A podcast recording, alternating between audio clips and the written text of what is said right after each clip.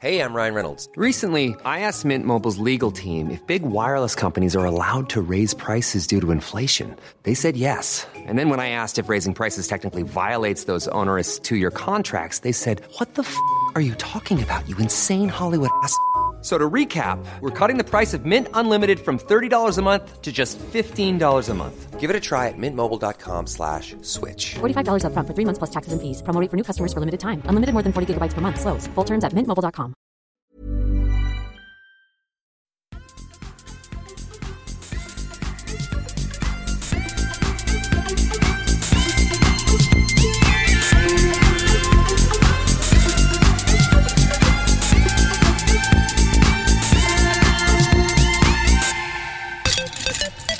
Då är vi tillbaka och rullar med avsnitt 119. Det är jag som är Tommy Bäcke. Jag gör Kedja ut tillsammans med Lina Rydberg och eh, Nickel Nyman.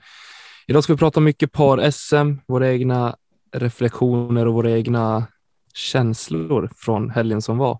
Eh, Vi ska också ta och beröra lite grann av eh, kommande NT nummer två i Linköping och vi ska även eh, prata lite D-Glow.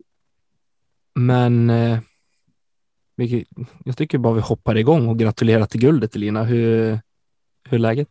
Jo, det är bra tack. Eh, det var ju kul att kunna göra det två gånger. Nu spelar man ju inte på tur längre, så det är ju kul. Mm. Kan ju ingen säga att första gången var en fluk.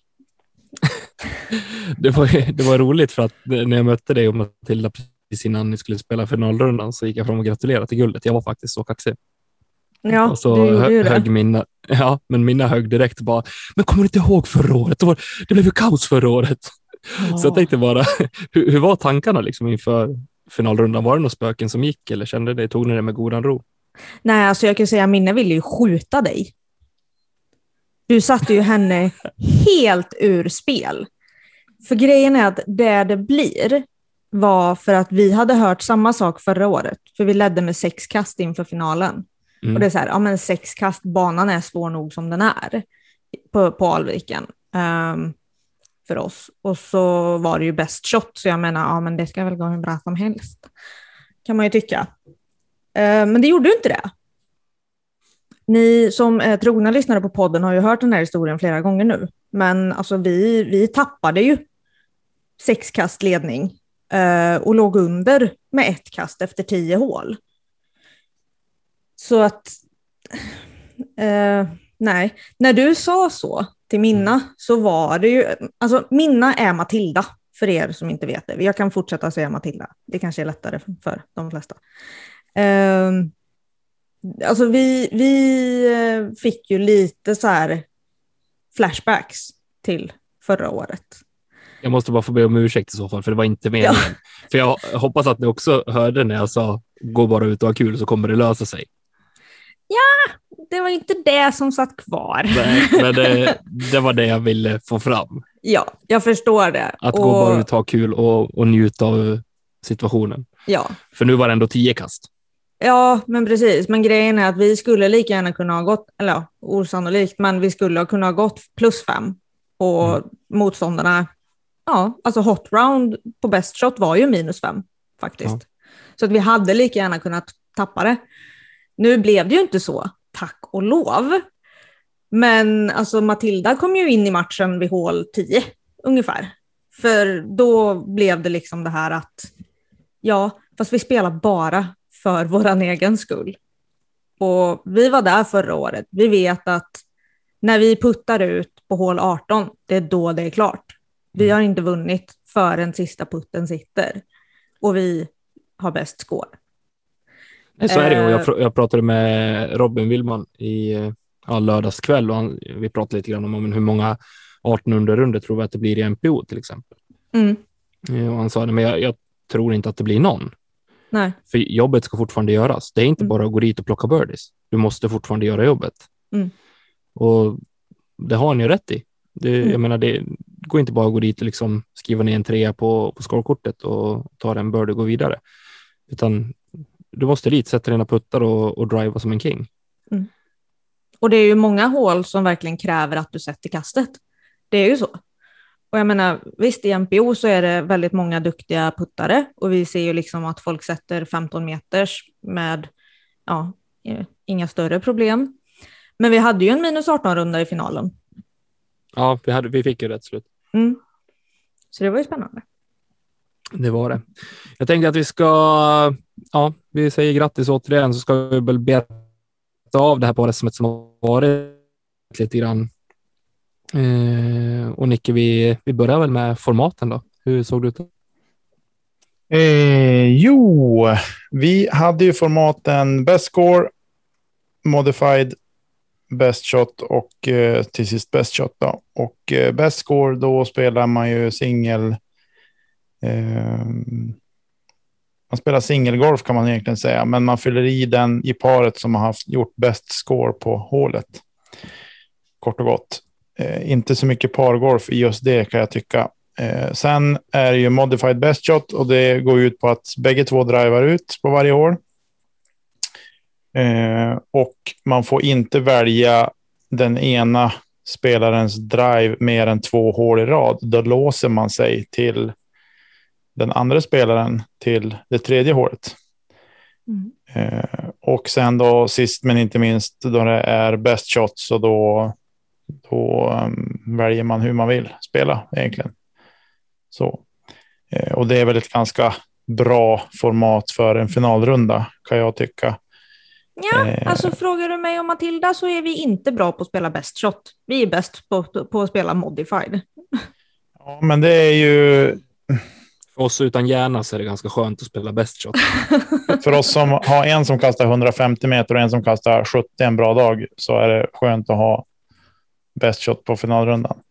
Ja. Eh, jag tycker inte att best score är varken roligt eller eh, någonting som jag vill fortsätta se på ett par SM faktiskt. Eh, mest för att jag tycker att det är ett rätt tråkigt format. Det blir inte pargolf längre på något sätt. Nej, där är jag faktiskt beredd att hålla med dig. Jag tycker att man ska införa typ greensome, eller ja, alternate, Alternate. eller vad man vill Mm. kalla det.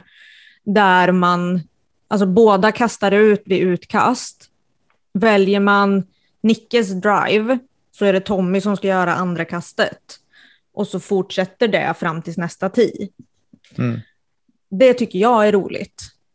För att då får man samtidigt så här att ja, det här kanske inte är det bästa utkastet, men Nicke sätter de här inspelen åtta av tio gånger, men det gör inte Tommy till exempel.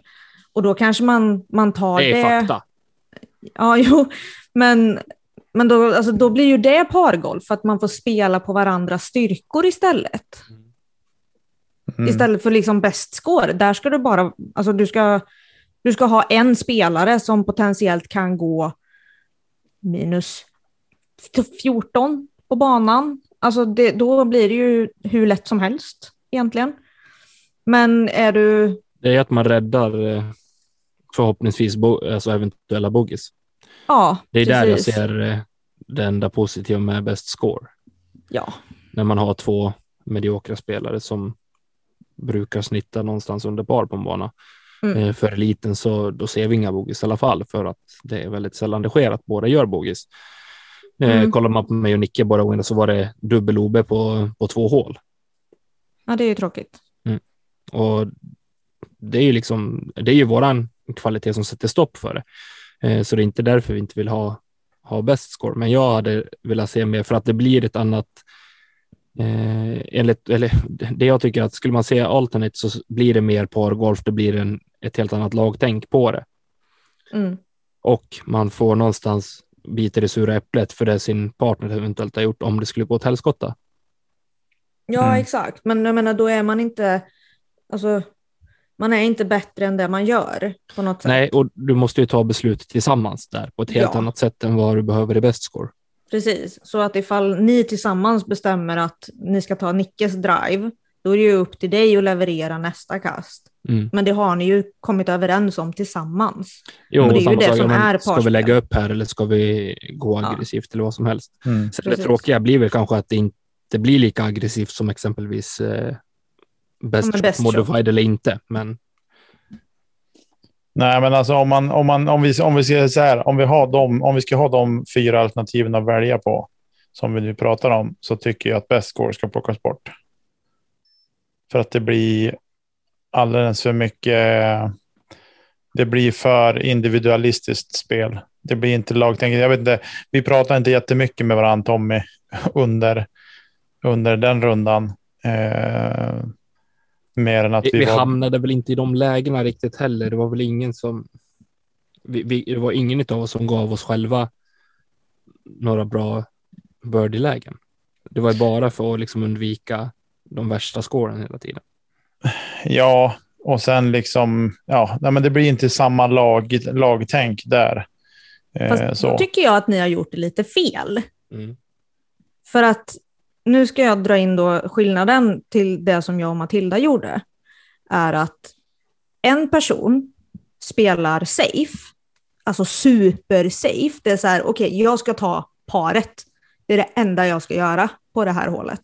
Medan den andra personen, för man är ju bra på olika saker. Är det ett forehandhål till exempel, då spelar Matilda super safe. Hon ska bara ligga i fairway med en midrange på en placering. Medan jag kan gå mega aggressivt och försöka gå för green. Och det är ju där pargolfen kommer in i best score. Men det blir ju för oss som kanske inte automatiskt gör birdies på alla hål. Det är samma så här, om en hål 1, vattenhål. En av oss går in och gör ett supersäkert spel. Ligger liksom kort höger, liksom safe. Så att man lätt kan spela fram och tappa i för ett par. Medan Matilda då gick liksom åtta meter lång förbi korg. För att hon gick superaggressiv rakt på korg bara. Går den i vattnet så går den i vattnet. Men vi har ett säkert kast. Nej, det var Det- där vi inte, vi, vi kunde väl inte konverta riktigt eh, till det heller för att ingen av oss var riktigt på topp på, Mm. på Porscheden. Nej, så är det ju. Och jag tycker eh, också att det skulle, om jag tycker att vi ska ha fått spela bäst score på, eh, på Serpent istället och spela pargolf på Porscheheden. Eh, det, hade Ja, det hade ju vara- varit bättre. det hade varit bättre sett till banans utformning och hur det var tänkt. Och det sa de ju också att det sa ju också i förra avsnittet att det var det som var tänkt. Eh, men nu är det ju som det är. Det är, ju- det är lika för alla. Bollen är rund. Is är Mm. kallt. Och så vidare. Alla klyschor vi kan rabbla upp på en gång. Det är myggor i Norrland. Du, det är myggor i södra Relativt Sverige lite också. i helgen i alla fall. Ja, men söndag var det inte görfarligt, men alltså resten av veckan. Nej. Alltså, Nej, Det där är ni inte skulle ha myggigt. sett, Det ni skulle ha myggigt. sett Emanuel Ringboms ben. Alltså herregud. Ja, men det är ju för att det är så mycket sött i ert blod. Ni är så gulliga Mm. och känsliga på sånt. Ja. Sörlänningarna. Det, det, var, det var inte mycket Luktar mygg i helgen. Flera mils väg. Ja, det var färskt blod, det var det de ville åt. Antagligen. Ja, för jag, det där är inte, alltså, om ni tycker att det där var myggigt, då vet inte ni vad mygget är. Nej, Här vi uppe i Norrland, rätt, här luktar vi förorenade diesel allihop. jag tänkte säga vi bor i rätt del av landet så vi slipper att ha så jävla mycket mygg. Mm, det är ju jättegött med fästingar och stora äckliga spindlar och sånt. Ja, Det är gosigt. Eh, ja, okej. Vi lämnar formaten då. Eh, men vi, såg ni någon orm på Nej. Serpent? inte en enda en. Inte jag heller. Men jag har hört att det är folk som har sett orm där under helgen. Ja, men eh, Emil Dahlgren skickade väl en snap eller någon. Nej, vad var det? Det var story på Instagram var det ju. Mm. Eh, där han hade sett orm. Mm, konstigt på det där stället. Ja, men Fast Jag har jag, aldrig sett orm när jag varit där och har jag jag är gjort. jätteglad så länge jag slipper. ja, jo tack. det är roligt för Emil att han fick se orm. Jag är lite avis för jag gillar att se då de är små och gosiga. Då Mm, nej. stöter man gärna på dem. Okej, vi lämnar formaten då eh, och rullar vidare. Vad tyckte vi egentligen om Porscheheden? Om TIS, hålutformningar och banan totalt sett. Får jag Shoot. Jag tycker att eh, rent generellt så tycker jag att banan fick lite mycket skit för vad som kanske egentligen eh, den förtjänar. För det är väldigt små grejer som är lättfixade som blir stora. Därav förstår jag att man kanske liksom lägger ut eh, mer galla än vad man kanske vill egentligen. Eh, det är två hål som är helt utomordentligt eh, hål i huvudet. Eh, och sen är det ja, men, tisen som behöver fixas till, som inte alls är bra på många Mm. håll. Eh, och det är sånt, hade man varit ute vet en månad tidigare, ja då hade man kunnat lösa det i Mm. min mening. Men eh, nu var det inte så, eh, vilket gjorde att eh, upplevelsen blev sämre eh, än vad den borde ha varit, tycker jag. Eh, för banan i sig har otroligt eh, bra potential till att bli någonting riktigt, riktigt bra. Eh, men det är två hål som måste designas om, alternativt byta tidplacering och kortplacering eller bara kortplacering eller tidplacering. Eh, helst kortplacering kanske. Mm. Eh, och det är hål 13 och hål 14. För er som inte vet vad vi pratar om så kan ni hitta caddyboken på luleådiscgolf.se eller på Youtube så finns det en flyover där. Mm. Eh, och så här behövs det göras eh, förändringar och TIS behöver bytas ut. Eh, nästintill alla. Mm. Alltså jag är väl benägen att hålla med. Jag fick en, en jättetråkig inställning efter första rundan som vi gjorde på onsdag kväll. Det var så här att banan kändes provisorisk, eh, korgarna var sjukt låga. Alltså när korgen liksom sitter i knähöjd på mig, då är det liksom, ja, då är det för lågt för alla.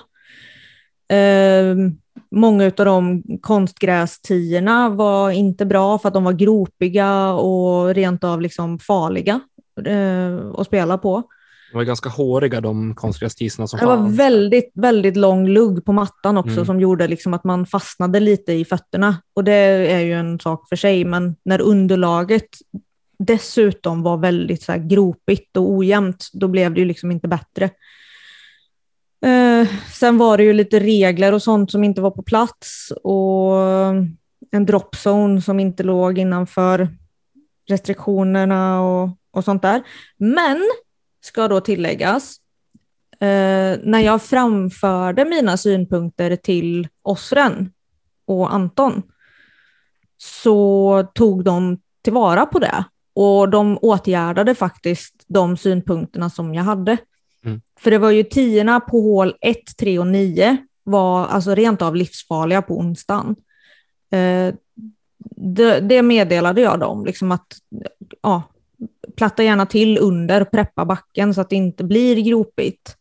Mattorna går ju liksom inte att göra någonting åt riktigt eftersom ja, man kan inte byta dagen innan.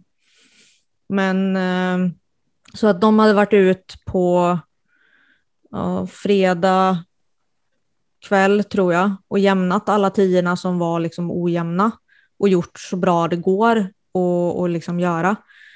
Eh, det med dropzonen hade liksom, den regeln hade flugit förbi. Eh, så att jag upplyste dem om det och de åtgärdade en ny dropzone på det hålet som blev superbra istället. Eh, Det ändå ha, att lite- ta till sig det så, så pass snabbt ändå och gör de förändringarna innan det är för sent. Ja, verkligen. Och det vill jag rikta ett jätte, jättestor eloge till dem. Mm. Ehm, för att det, det ska de ha verkligen. Att de var så lyhörda som, som de ändå är och, och liksom, ja, men tog tag i grejerna. Bara man sa någonting så fixade de det. För jag vet att det är väldigt, väldigt många som är bra på att gnälla. Men berättar man inte sin åsikt direkt till TDS så är det väldigt svårt att åtgärda. Får man inte höra något kan man inte lösa det liksom. Så att jag hade ändå haft kontakt med dem innan då i och med att vi hade pratat med Osren så jag kände att ja, men jag säger väl någonting då. Och så får de göra det de kan med det de får. Och jag tycker att de löste det fantastiskt bra. Så det kändes proffsigt. Sen så är det väl det att man ska, ja, alltså dropzonen ska ju vara inom reglerna och sånt där från början kan man väl tycka, men ibland tänker man inte. Och då är det bättre att bli upplyst en gång extra än en gång för lite. Mm. Ehm, men sen då, ja, andra träningsrundan på Porschen eh, så kändes det bättre. Alltså banan är ju fortfarande som ni säger lite så här, mm, ja, det är väl okej. Men den växte lite på mig eh, andra rundan och även då tävlingsvarvet. Det som var lite synd var att i och med att det var bäst score på den banan så kändes det som att jag vill ha lite revansch ändå, för att jag tror jag kan lite bättre. Eh, det var väl den känslan jag gick därifrån med i alla fall. Mm. Eh, jag tyckte väl, eh, precis som Tommy, att den kanske fick lite oförtjänt mycket kritik, banan på Porscheden.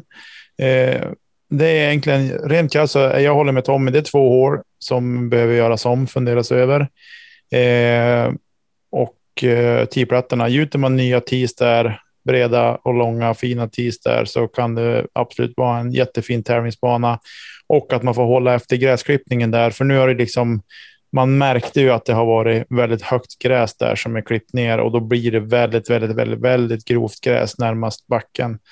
Eh, vilket är fullt naturligt, men hade det, om man tänker sig alla de här hålen med liksom finklippt gräs som det var på Serpent på många hål, så tror jag inte att det hade varit så mycket klagomål eh, generellt så. Eh, Men det var ju inte skipvänligt alltså. nej, det var inte korrekt. jätteskipvänligt. Eh, men eh, nej, jag tycker väl som så. Det vart lite smolk i bägaren så med, med de sakerna. Att det var dåliga tees.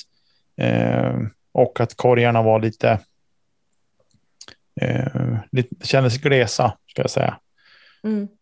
Fast att det var discatcher så kändes de lite väl glesa. Men ehm, ja, det är väl egentligen det som jag har att säga om det. Jag tycker överlag så tycker jag att hålutformningen så, så är det som sagt var det är två hål som är riktigt dåliga. I övrigt tycker jag att det var en, en bra blandning eh, av hål. Det förväntas en hel del olika kast.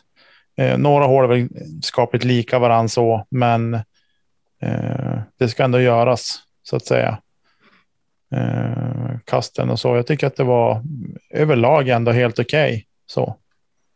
Alltså får den här bansträckningen bli upptrampad och så där på fairway och så vidare, då, då kommer det kunna bli riktigt bra. Ja, sen kanske man ska se över variationen på vissa. Jag tror att det var tre hål som var ganska lika varandra. Ett, ett rakt kast liksom mellan 100 och 120 meter med, med trä på våra sida. Mm. Eh, så att man kanske bollar ett sånt eller två, ett lite kortare, ett lite längre. Eh, men eh, allt som allt, det mest kritiska som vi kan ta med oss från våran summering är väl egentligen tidplattorna. Att lös det bara och sen eh, så är ni någonstans eh, på en väldigt god väg till en, till en fin bana. Ytterligare en fin bana ska jag säga. Mm. Eh, Och håll 13 och 14 är det bara att kika på. Precis. Alltså hål 14, kapa några träd i mitten så att du Ja. vill verkligen gå bara rakt på där. Men ville jag för ändå. dem- Ja, men det gjorde ju det vi. Alltså våran gameplan var kasta bara rakt på och hoppas att den går igenom en liten bit. Mm. Och sen den andra skulle bara lägga fram till kröken så att vi kunde spela ett inspel därifrån till korg. Alltså så här, Mm. easy par. Eh, men nej, våran gameplan var bara kasta rakt på. Hårt som fasen och så bara rakt på. Och det är ju inte så bra, kanske. Nej, att man Mm. väljer det. Nej, och det är väl inte det. Jag tror inte att eh, banutformningen vill locka till det heller. Nej, men å andra ha den sidan, så, hajsen liksom. ja, men du ska ju ha en 140 meter heiser. Och det, Det är har liksom- inte vi. Nej, inte riktigt. Inte riktigt. Men så är det. Men alltså, ni har ju hyllat Serpent Hill i podden förut. Ehm, Och det kommer vi fortsätta med. ja, Mm. alltså med all rätt alltså. Nu när jag själv har varit där så kan jag hålla med er. Nej, den, är, den är så fantastisk och den blir bara bättre och bättre och bättre tycker jag. Eh, så även om det är samma hål och så, så är ju liksom miljön blir ju eh, helt grym. Faktiskt, den har bara blivit bättre och hål 16 har börjat få lite mer gräs och så. Eh, det är inte liksom tallhed man vandrar över längre på samma sätt. Nej, det är en otroligt fin bana. Mm. För det estetiska skull så hade jag velat se vatten i framför kullen. Jag förstår att man inte har det för att den är så pass eh, nära korg. Men för det estetiska så hade jag velat se vatten där i. Mm. Hade det varit vatten i, Mm. så hade man kunnat skippa in någonting. Det kan Det är också korrekt. Nej, det kan Mm. man inte nu. Då Men alltså, kanske det det var hade inte blivit en igel, Nicke. Men alltså kolla här. Säg då, man lägger liksom ner ett nät i den där pölen. Mm. Eh, och så fyller du med vatten. Så att även om du kastar i disken så är det bara liksom dra lite försiktigt i nätet på ena sidan så kommer ju liksom alla diskar upp igen och då blir du inte av med någonting. Plus att jag som ändå är ganska van pölbadare numera, Det har vi ju sett på en och Eh. annan Instagram-story. är någon annan Instagram-post. Eh, alltså det var ju inte djupt heller. Så jag menar, skulle du kasta i någonting så är inte det hela världen. Det är bara att Nej. hoppa i. Ja. Mm. Håller med. Det hade varit fint. En liten fontän kanske där nere också hade satt lite piff på hålet. Så man inte ser korgen. Men inte Nej men exakt, det är så här, ja, men korgen är på andra sidan den här jävla vattenstrålen som står och puttrar. Det hade varit läckert med en stor jävla huggorm som kommer upp i mitten av den där och bara sprutar vatten rätt upp i luften. Samma höjd som på uh, Fountain Hills. Vi ska inte ge dem några några idéer nu, för rätt vad det är så blir det verklighet. det Där. Så drivna är de i Luleå. Och så på, på ormen då sätter man korgen så att det är helt omöjligt att få tillbaka disken när du har puttat. Okej, Ja, Mm. nog med det. Är. Upphöjd korg. Och en uppe, uppe på kullen där. Ja, nej, det är ju... Eh, nej, jag tycker inte vi behöver prata så mycket om Serpent Hill. Jag tror inte att det är så många som säger emot oss heller om, om banan faktiskt. Jag tror att de Mm. flesta tycker att det är en otroligt fin anläggning.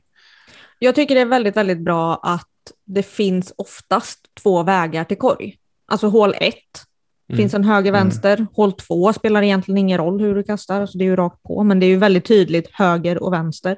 Mm. Hål finns det tre. ingen väg till korg. Vad sa du?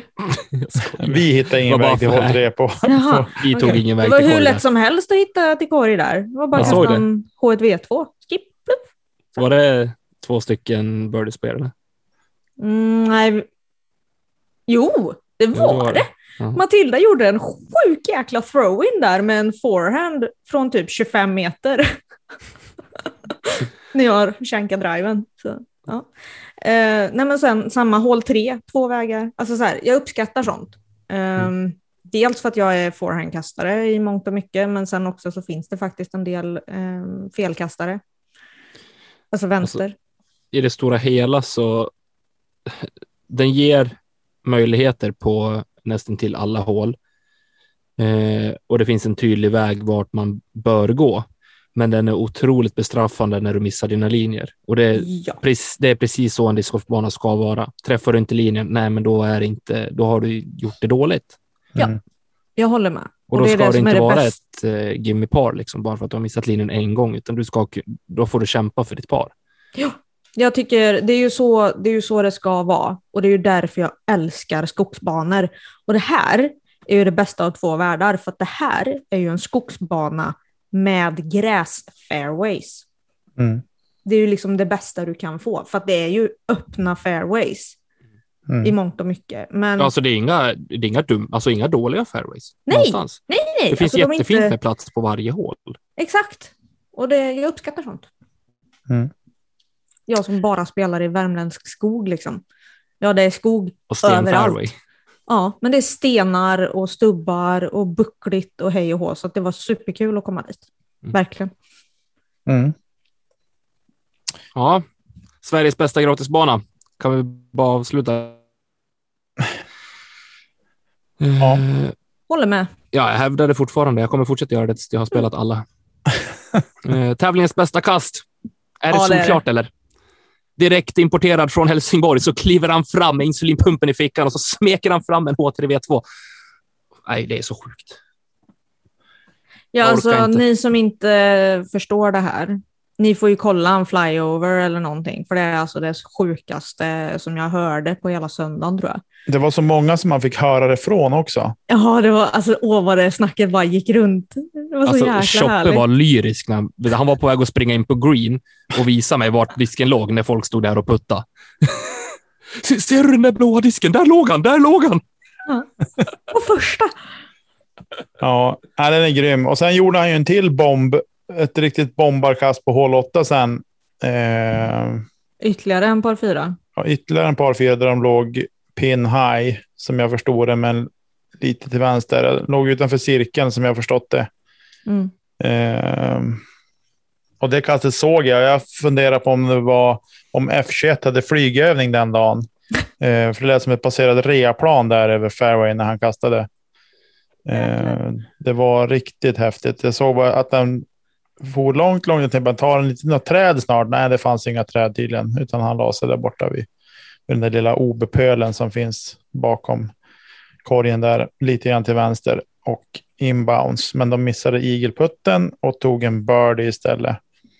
Eh, Som vi gjorde, Nicke. precis. Samma score som oss. Det gjorde faktiskt vi med. Ja, det gjorde ni. Snyggt. jag Eh, gjorde och, sen, en sjuk drive. Inte riktigt Henke-style, men ja, det var bra. och sen var det någon bomb på hål 16 också från 10. Ja, han kastade en F1. Typ till 18s korg. Oj. Ja, nej, kanske inte riktigt. Jag överdriver säkert. Men det var alltså... eh, Hej. Då. Långt. Ja, något så inne i bomben. Ja. Ja, nej, han har en riktig kanon alltså. Mm. Eh, Och han, det är inte riktigt det man har känt att man har tyckt att det har som varit hans grej, att han har kastat fruktansvärt långt, utan han har, han har bara varit liksom bra. Träffa Mm. linjerna och, och så. Han har Ja, men det är som, som. Lisotte säger, det är så här sneaky distance. ja, precis. Mm. Helt klart. Eh, sen kan vi säga så här. Det var en tuff par fyra på Porscheheden. Ja, Eh, det, jag, vet inte, jag har inte kollat någon statistik var den spelades eh, i snitt. Men det känns inte som att den spelades under par, om vi säger så. Jag tror att snittet var nog Eh, sniffade. nej, det såg sniffade. vi till. ja, vi var väl en av de som hjälpte till att dra upp snitten där. Eh, spontana känslan är att den, eh, det spelades på typ 460, 470 kanske ja något sånt. över par. Men juniorerna, svenska mästarna, Oskar Ladin och Elliot Jonsson samt NPO-spelarna Jan Krantz och Dan Bolin var de enda som löste birdien under, under lördagen på hål 4 på Porschen, som är en par fyra på 267 meter. Mm. Vi Och- var liksom asnöjda för att vi puttade för par i alla fall inifrån den här lilla dungen. Tycker Ja. jag var imponerande. Och tydligen var det en tap-in birdie på juniorerna. Men vad Ja, exakt. Det är orimligt! Det är orimligt! I, i våran pool så grymt. snittade hål 4 4,8 snittade. Okej. Jag var tvungen att byta internetkälla här. Mm. Eh, Så det var banans eh, svåraste hål i, i pool A. Eller pool B ska jag säga. Mm. Eh, I pool A så var det banans fjärde svåraste hål. Och snittade... Nej, förlåt mig. Förlåt mig. Jag var... tänkte jag lite fel igen. Eh, Det var banans svåraste hål även för, för pool A, men eh, det spelades på 4,28 kast. Ja, Fortfarande över par. men det, är ju, det är ju som, eh, ja, som det ska vara. Kan man ju säga. Mm. Eh, om vi då tittar lite framåt. Eh, vad vi hade sen då? Ja, vi väntar ju. Vi har, vi har redan avhandlat Porschen tänker jag. Så vi behöver inte prata mer om den banan än om jag hade rattat in lite mer om det där. Däremot så vi, vi pratade lite grann förra veckan om vi skulle få se någon minus 18 runda eh, på någon av banorna. Det var väl inte så troligt att vi skulle göra det på, på Porscheheden. Men Serpent Hill på finalrundan så bröderna Dahlén smällde till med en igel på hål 8 och ett par på hål 10 och resten birdies. Mm. Då kom den lagom till sista rundan så att säga. Det var riktigt imponerande Mm. faktiskt. Kul också. Det gjorde ju att de eh, fick en bra placering också. Mm. Precis. De slutar väl trea till slut. Mm.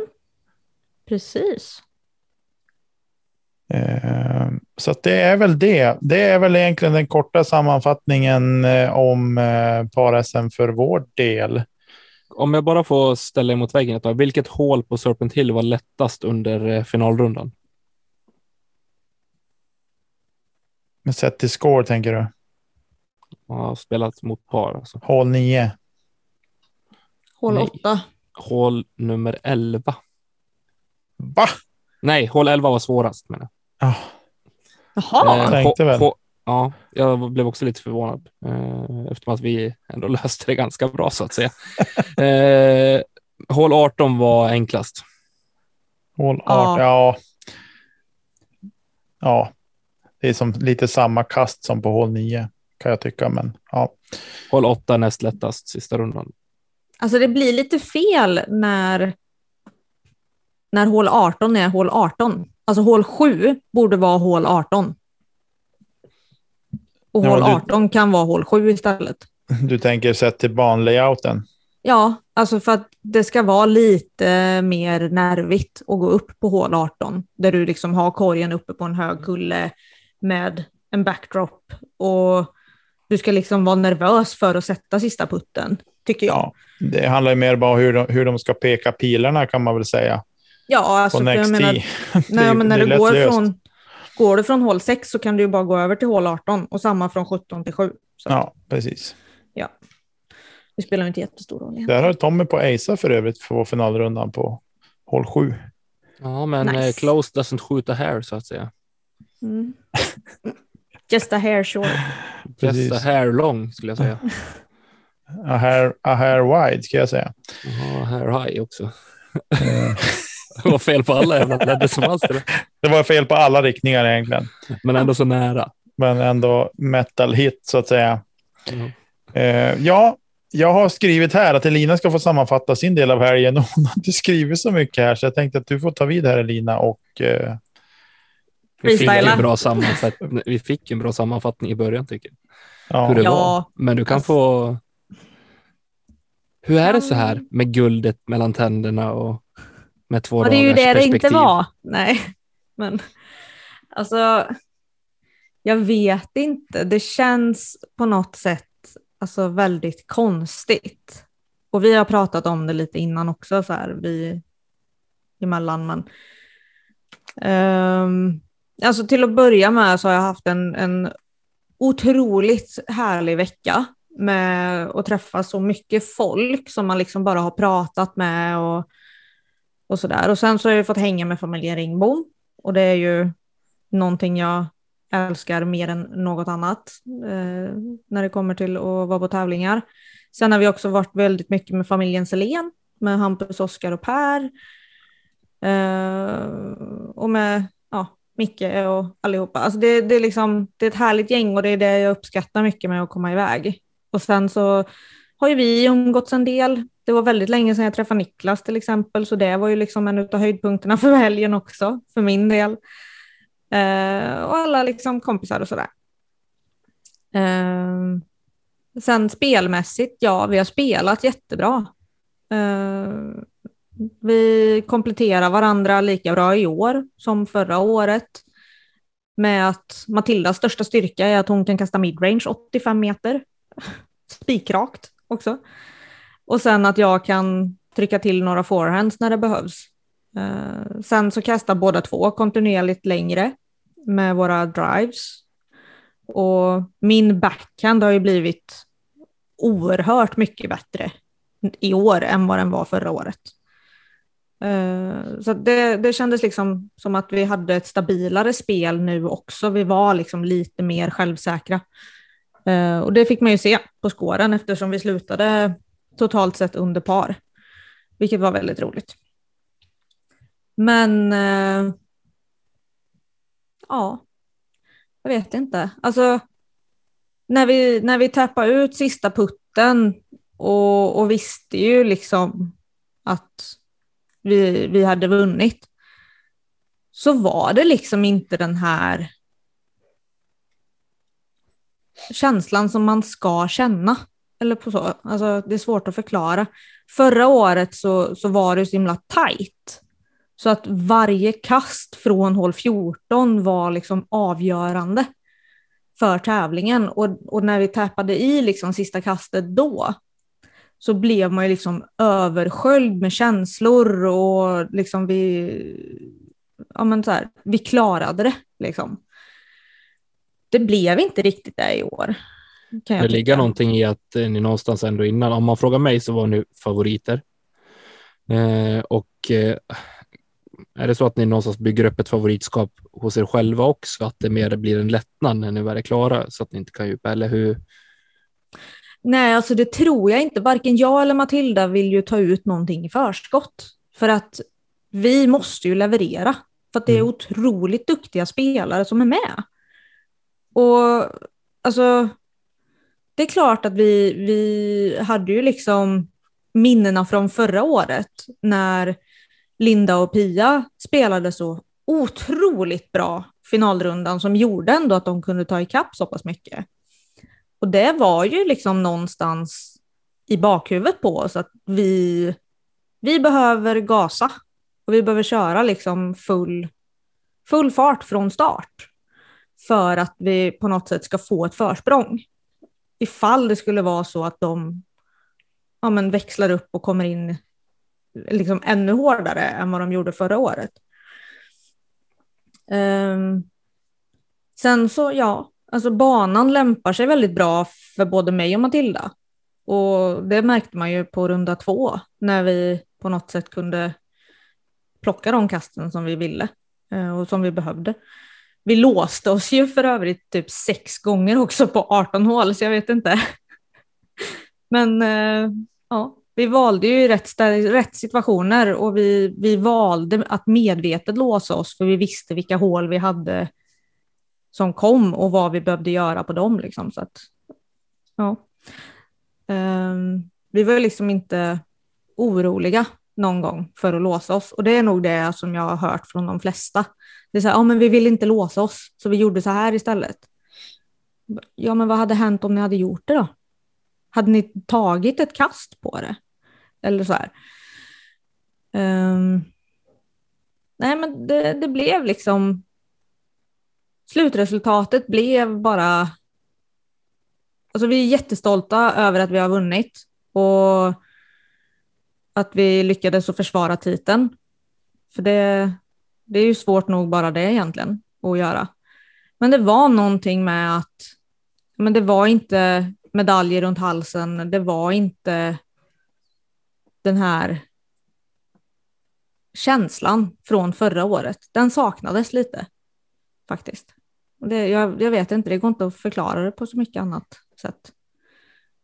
Det med medaljerna var ju väldigt otymp, eller o, vad säger man? Tråkigt, för de hade ju kommit fel. Så att det var ju de ingen medaljceremoni. Du har skrivit fel, en fel siffra på adressen eller någonting som gjorde att de inte... Ja, Fick krång, krångligt och då kraschade Postnord, Po- Postnord helt och hållet. Mm. Eh, så. Hur som helst så stort grattis till vinsten Elina och även till, eh, till Matilda också såklart. Eh, ni följdes åt av Ida och Jannike som slutade på en andra plats efter särspel mot eh, Therese och Emma. Mm, det var ett bra särspel. Alltså wow, det var spännande att följa det. För att det avgjordes på hål fyra. Med att, att eh, Therese och Emma eh, missade parputten. Och Jannike och Ida låg för en typ 12-13 meters för birdie. De hade dragit liksom pin high lite in i skogen bland massa träd. Och Ida går upp och bara smäcker i alltså en av de hårdaste puttarna jag har hört tror jag. Rätt i kedjorna och det var liksom inget snack om saken. Den satt där. Eh, och hålet innan så hade de missat en sex meters. Så att det, det var det första de sa. Jag gick ju fram och bara grattis, här, fan bra putt och allt det här. Och de bara, ja då skulle du ha sett den vi gjorde innan. Nej, så det var, det var en häftig avslutning för dem. Mm. Magiskt. Det är kul med särspel. Det är det. Mm. Alltid roligt att följa. I juniorklassen så vinner Oskar och eh, Elliot ganska klart sju kast före Gustav och Malte och eh, Max och Oskar eh, slutar på en tredje plats. Mm. Eh, Och eh, MPO, det var väl inte så, ja, jag vet inte, Nicke. Eh, Ja, det här med tippningen. Eh, förra veckan så var ju Osseren med oss här, han som var TD för hela par-SM. Och han var ju lite starstruck över att Jeppe Lundmark skulle göra comeback på tävlingsscenen. Lite lätt sådär. och inte med vem som helst. Och inte med vem som helst heller, när han eh, teamade ihop sig med Emil Dahlgren. Och eh, vi pratade lite grann om det förra veckan. Och jag sa väl att ja, topp 10, men de kommer inte vara med i toppen. Nu får vi krypa till korset. Och nu kryper jag till korset eh, lite grann. Jag skulle säga så här också. Jeppe har jag sett på YouTube. Eh, Emil har jag nog aldrig sett spela. Finns eh, NT 2019 i Kalmar. Är han med Ja, eh, på så vis. Så att jag, vet, jag har ju bara fattat av det jag har hört av folk att han är en duktig spelare. Liksom, Mm. that's it. Eh, och sen har ja, alla historier man har läst av honom på Discorden när vi har suttit på liven och sånt, det har varit väldigt roligt också. Så. Men jag trodde inte att de skulle vara med och peta toppen, men de täppte igen truten på mig rätt hårt redan första rundan med att gå minus 17 på Serpentil eh, med ett enda par gjort resten birdies. Mm. Eh, och sen på Porschen så gick de minus 9 och de var då klara för att spela lead card på söndagen tillsammans med Linus Karlsson och Oskar Persson på finalrundan. Och då var de två kast efter. Eh, och ja, de kämpade ju på så gott de kunde såklart. Eh, men innan det hela var slut så var de fyra kast efter Linus och Oskar. Och eh, jag vet inte hur långt det var ner till tredjeplatsen där Gustav Ja, kast. och eh, Filip Dahlén landade, men de gick en minus 18 runda. Eh, det är klart, hade de satt den där uh, birdien på där de tog par så klart hade det blivit särspel då, om, om pallplatserna och så. Eh, men så att jag kryper lite grann till korset. Jag hade, jag hade dem i alla fall topp 10 så jag får väl skydda mig med det. Men jag trodde inte att de skulle vara med så högt upp som de var. Eh, så hatten av. Emil hade ju hört på förra veckans avsnitt dessutom, så det var lite tändvätska när, när jag eh, inte höll dem så högt. Så att, det är ju bra att de tog det på rätt sätt så att säga. Det är alltså det vi ska göra i fortsättningen. Vi ska ge folk lite tändvätska så att de spelar ännu bättre. Ja, nej, det ska vi inte göra. Men eh, hatten av. Det var roligt att se. Det var roligt att se Emil också på plats. Han var längre än jag trodde också. Mm. Eh, och sen en annan grej som jag inte har reflekterat över. Det här sa jag till Tommy igår kväll också när vi var och spelade. Han hade ingen aning om det här. Men Emil Dahlgren har en bror som heter Robert som håller på med racing, bilracing, STCC och sådana grejer. Mhm. Eh, och när jag såg han stå där inför finalen, jag bara, vad jag känner igen den där människan. Var har jag sett han förut? och till slut kopplade det bara, det är ju Robert, han som kör. Ja, så bara, men de är ganska lik varann. Bara, Jaha, då kom kopplingen. Eh, Racingpodden, det är en annan podd. Ja, Racingpodden är en annan podd, men det var, det var en liten en parentes i det hela. Men ändå stort grattis till en väl genomförd tävling, Jesper och Emil, helt klart. Och även såklart Linus och Oskar som eh, spelade otroligt bra golf. Och även då Gustav och Filip Dahlén som blev de enda som gjorde en minus 18 på Serpentil under helgen. Ja. Stort grattis allihopa. Eh, och parallellt med detta så har det ju spelats discgolf på andra sidan pölen också. Va? Har det? på Disc Golf Pro Tour. D-Glow, Discraft, Great Lakes eh, Open. Great Lakes Open har spelats. Och eh, det var ju, vi smygsåg ju lite grann av runderna både fredag och lördag. Eh, det var väl egentligen bara på söndagen som man såg alltihopa. För egen del i alla fall. Alltså såg vi så mycket på lördag? Nej, verkligen? nej, ingenting. Nej. Och jag såg ju ingenting på söndag heller. Ja, vi knäppte Nej, igång det och hade igång det en liten stund på lördagen innan vi gick ut och käkade, men det var det lillare. Ja, okej. Eh, Ja, nej. Ja. hur som helst så var det en fight på här sidan mellan eh, Ferrari-plasterna. Eh, Kevin Jones hade inte mycket att säga till om, även om han eh, gör en helt okej sista runda på 500, en decent round som de brukar säga. Men eh, Han börjar jäkligt starkt, men sen så tappar han liksom rytmen lite när han börjar missa puttar. ja, och då, då blir det tufft att hänga med Eagle när han är på, på topp och även eh, Gun Kyle Klein gör ju en eh, fantastisk prestation och jag, jag fällde en liten tår när jag insåg att han faktiskt inte skulle vinna. Mm. Eh, jag tycker han hade varit värd det, speciellt på som den hometown hero han faktiskt eh, var Mm. på Toboggan också. Nej, de spelar fruktansvärt bra golf sista rundan. Det var löjligt. Den finalrundan kan ni gott och väl gå in och se nästan livesändningen på, för det var otroligt roligt att följa den Mm. faktiskt. Eh, Någonting jag kan tycka är lite tråkigt så här rent rätt upp och ner. De har ju förstört hål 17. Alltså jag har ju Mhm. sett både Kyle och Eagle ligga uppe på vägen och gör två superbra kast därifrån. Det är klart att ja, du flörtar med OB, men jag fattar inte varför inte OB går där vägräcket är, utan OB är på asfalten, liksom en och en halv meter mellan räcket och asfalten, så kan du ligga safe. Du Ja. öppnar ju upp liksom hela bakluckan till korg. Ja, men det är, inget, det är inte så där som man tänker så här, nu går jag upp och smaskar vägen 80-90 meter för att lägga mig på en och en halv meter vägren. Nej, men ändå. Men det var ju, då å andra sidan, då kan man ju tänka så här, de kasten som de två gjorde därifrån, Mm. Det var ju Det- stört. det är helt stört. Eagle står med ett vägräcke mellan knäna. Drar en 405 fot forehand liksom. Ja, 120 meter. Standstill. Precis. Tack så Eh, mycket. Ja. Tack för kaffet. Tack för kaffet. På tal om häftiga kast så Simon parkade hål 1 på finalrundan. Det var ett otroligt fint kast med en MD3, ny plast. Det Svensk var han plast. ju inte ensam om att göra i och för sig. Så. Nej, men det var inte så många som kastade backhand som parkade det hålet. Eh, och sen kan vi också nämna att Emerson Keith spelade otroligt fin golf finalrundan också. Men Mm. jag tycker att vi ska ägna lite mer tid åt damerna.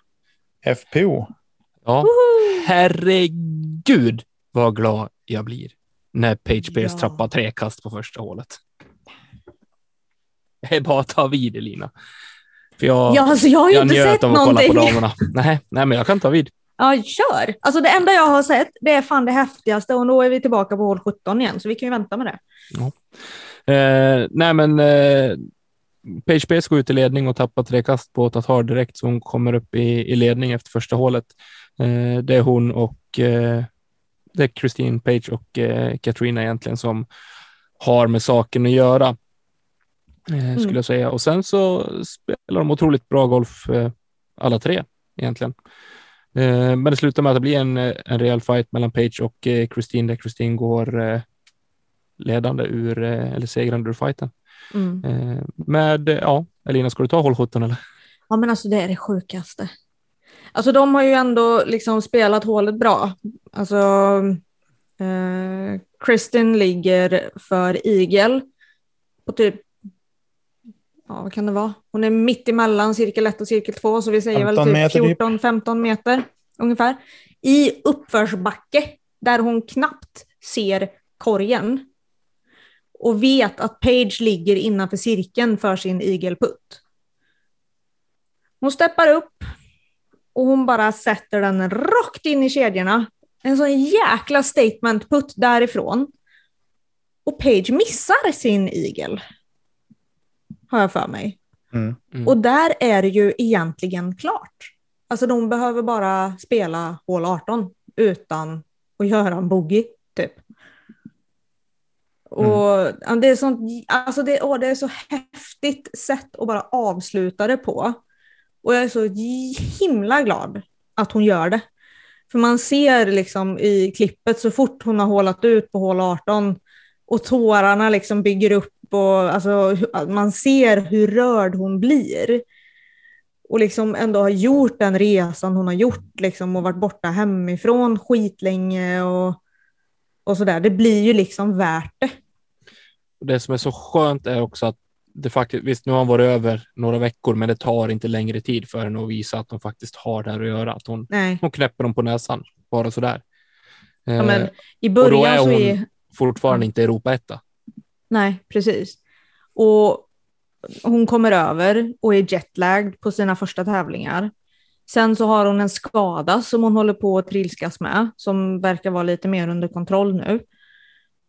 Uh, och liksom har den här otroliga pressen på sig själv. För att hon känner ju själv att hon representerar hela Europa med att vara där. Och jag kan förstå det. Alltså så här, jag förstår liksom att, att hon känner den pressen på sig själv. Även om ingen annan lägger den på henne så kan jag ändå, så här, jag relaterar till att man känner pressen av att nu måste jag prestera. Eh, som enda europé. Men hon gör ju det också. Alltså vi har sett henne i massa lead cards och hon ligger ju liksom precis, precis i närheten. Och det här är ändå en tävling som Page historiskt sett liksom har vunnit med mellan 6 och 12 kast till andra platsen. Så det är ju hennes bana. Det är hennes event att vinna. Och så kommer Kristin och tar det ifrån henne. Det är Mm. mäktigt tycker jag. Det är fantastiskt. Mm. Eh, Page slutar alltså tvåa och eh, Katrin Allen slutar på en tredje plats. Och eh, vi kan även smyga in där att våran, eh, nu har hon en amerikansk flagga framför sitt namn, men jag vill ha en svensk flagga där. Ragnar Bygden slutar på en eh, nionde plats i eh, sin eventuellt första tävling på väldigt, väldigt länge, va? Jag tycker hon gör det bra. Ja, eh, det gör hon verkligen. Slutar eh, totalt på, på par. Topp 10. F- eh, starkt, riktigt starkt. Mm, verkligen. Kul. Kul att se. Jättekul. Ja, det var Diglo. Och helgen ska vi till Preserve, Nicke, äntligen. Ja, eh, det ska bli så sjukt roligt att se den banan igen. Eh, I fjol gick de väl, gick de bara tre runder i fjol, eller var det fyra runder i fjol? Tre. Det. Det var tre runder i fjol. Mm. Eh, jag hade ju önskat att vi hade fått se fyra runder på den banan, men eh, ja, det ska bli häftigt att se. Jag ser mest fram emot att få se lite sneak peeks nu här under veckan inför, eller ja, inför om man hinner få, om det, om det hinner komma ut någonting, några träningsrunder eller så innan, så man får se om de har tweakat om några hål och, och så där. Men alltså det har väl pratats om att, han, att de skulle göra om en del i layouten. Så att det inte ska vara liksom lika lätt som det Jag var att- förra året. Ja, det jag har läst och hört är väl att ruffen ska få växa till sig till att bli mer ruff. Mm. Eh, det vill säga att det knähöga gräset är inte längre knähögt utan det kanske är jättehögt. Eh, och så att det blir jobbigt med en run-up och, och så vidare och så vidare. Eh, dels sådana saker och sen kanske det inte blir lika rollervänligt heller som det var i fjol. Eh, Lämna lite tussar här och där. Ja, precis. Att det kommer vara lite... Nej, men det nu går lite- vi och medvetet klipper ojämnt här som vi inte kan rolla. Ja, nej, precis. Det är väl lite sådana saker. Sen får vi väl se. Jag ty- tyckte mig höra att de sa att hål 18 skulle inte vara en par femma längre utan en par fyra. Mm, det Eh, känns ju rimligt. Det Faktiskt. känns ju rimligt. Den spelades ju som typ banans lättaste hål tror jag i fjol. Mm. Ehm, och det är ju bra. Det är en bra förändring att man Mm. ändrar parsättningen bara. Ehm, sådär. Nej, men det ska bli fruktansvärt roligt. Jag hoppas på att det blir en bra tävling. Eh, bra lead cards hela vägen, bra feature card och så, så att det blir bra, bra golf att följa. Mm. Helt enkelt.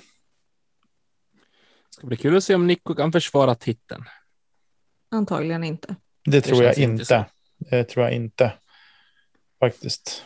Faktiskt. Men vi vet ju hur dåliga vi är på att tippa, så att Ja, exakt. han är väl ändå där ändå. Ja. Eh, det återstår att se. Om vi tar eh, flygplanet och åker tillbaka till Sverige så har vi faktiskt en nationell tävling som ska spelas i Linköping. Mm. Yay! Elina, du ska vara med. Jag ser att du är anmäld. Jajamän! Eh, det är alltså NT nummer två av fyra som ska spelas i Rydskogen. Mm. Och eh, Damfältet är stort, sju, eh, sju platser Mhm. är upptagna. Precis. Det ska bli jättekul. Ehm, det är några nya namn på listan. Ehm, några lokala och så är det Ruth från Stockholm. Annars hittar man Matilda, mig själv, Pia och Linda i toppen. Ehm, så är det ju tre nya som sagt. Så det ska bli kul. Det är ju liksom hemmaspelare så man kanske inte har allt övertag i världen heller när man kan hemmaluckorna och sweet spotsen utan till. Så det ska bli intressant. Eh, alltid kul med nya tävlande. Ja. Men det är ju fullt startfält och det här skulle ju ha varit finalen Mm. Ja, av det. årets NT. För Eh. typ en månad sedan dessutom. Nej, den här har ju inte blivit flyttad. Har den här inte blivit flyttad på? Nej, så kanske det var. Det kanske var tätt i början, ja. Det var Precis. de två första som flyttades. Så var det, ja. Eh, så att nu blir ju finalen i Falköping istället, 25 september. Falköping. Falköping. Eh, nej, men det ska bli kul. Jag har varit nere och spelat banan en gång i år och då kändes det ganska bra. Så att eh, jag är redo att bege mig neröver på fredag och träningsspela. Så får vi se vad som händer. Vi önskar dig såklart stort lycka till. Tackar, tackar. Tackar, tackar, tackar, tackar. I här, på här sidan så har vi väl det gamla vanliga stjärnspäckade fältet. Eh, jag har svårt att se att Linus inte vinner den här tävlingen också i den eh, formen han är just nu. Ja. Eh, Jag tror att det ska mycket till om någon annan ska knäppa hon- honom på näsan. Närmast tror jag är Hagman. Om inte Bengtsson sliter fram någon gammal skön disk och bara leker om honom. Det vet man aldrig heller. Nej, alltså det är ju en Bengtsson-bana. Det är korrekt. Mm. Det skulle jag nästan våga påstå. Men eh, nej. eh, Men nu har Karlsson vi ju jinxat i- det också. Ja, precis. Sorry. Karlsson går väl in som klar favorit skulle jag säga i Openfältet. Eh, känns så. Dels med hur han presterade på Heatland Open också, eh, som också är liksom en skogsbana som kräver sina linjer, så, Jo. så känns det ju så. Men! Kan han förlora? Ja, men alltså Bengtsson var ju där under eh, Masters-SM och presterade fantastiskt bra. Det gjorde han. att, han är liksom uppvärmd.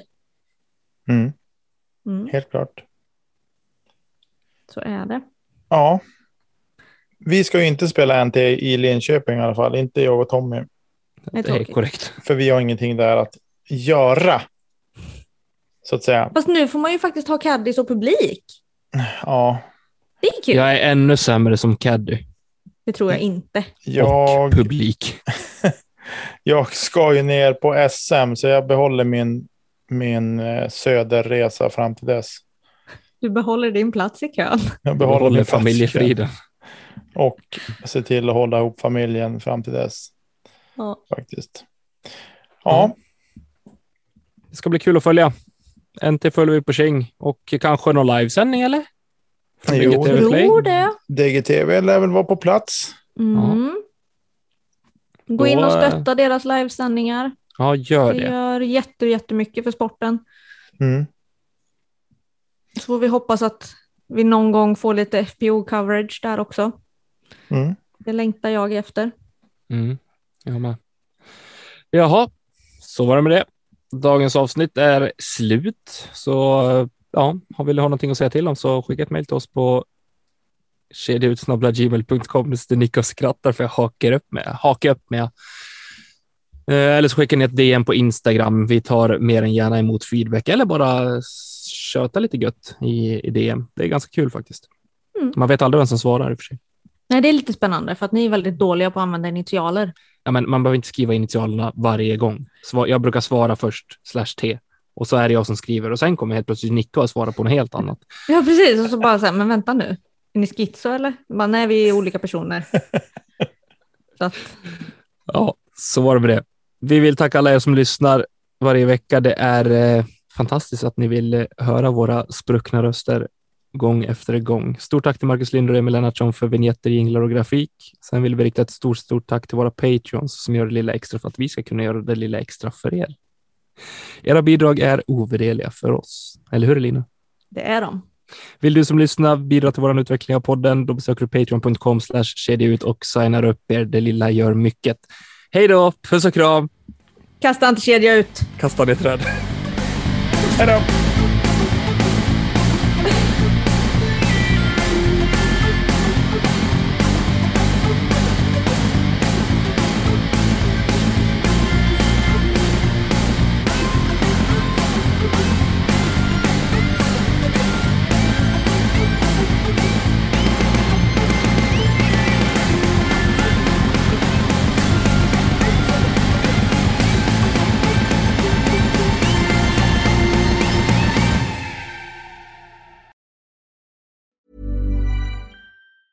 Hi, I'm Daniel, founder of Pretty Litter. Did you know cats tend to hide symptoms of sickness and pain? I learned this the hard way after losing my cat, Gingy. So I created Pretty Litter, a health monitoring litter that helps detect early signs of illness by changing colors, saving you money and potentially your cat's life. Pretty Litter is veterinarian developed, and it's the easiest way to keep tabs on your fur baby's health right at home. Go to prettylitter.com and use code ACAST for 20% off your first order and a free cat toy. Terms and conditions apply. See site for details.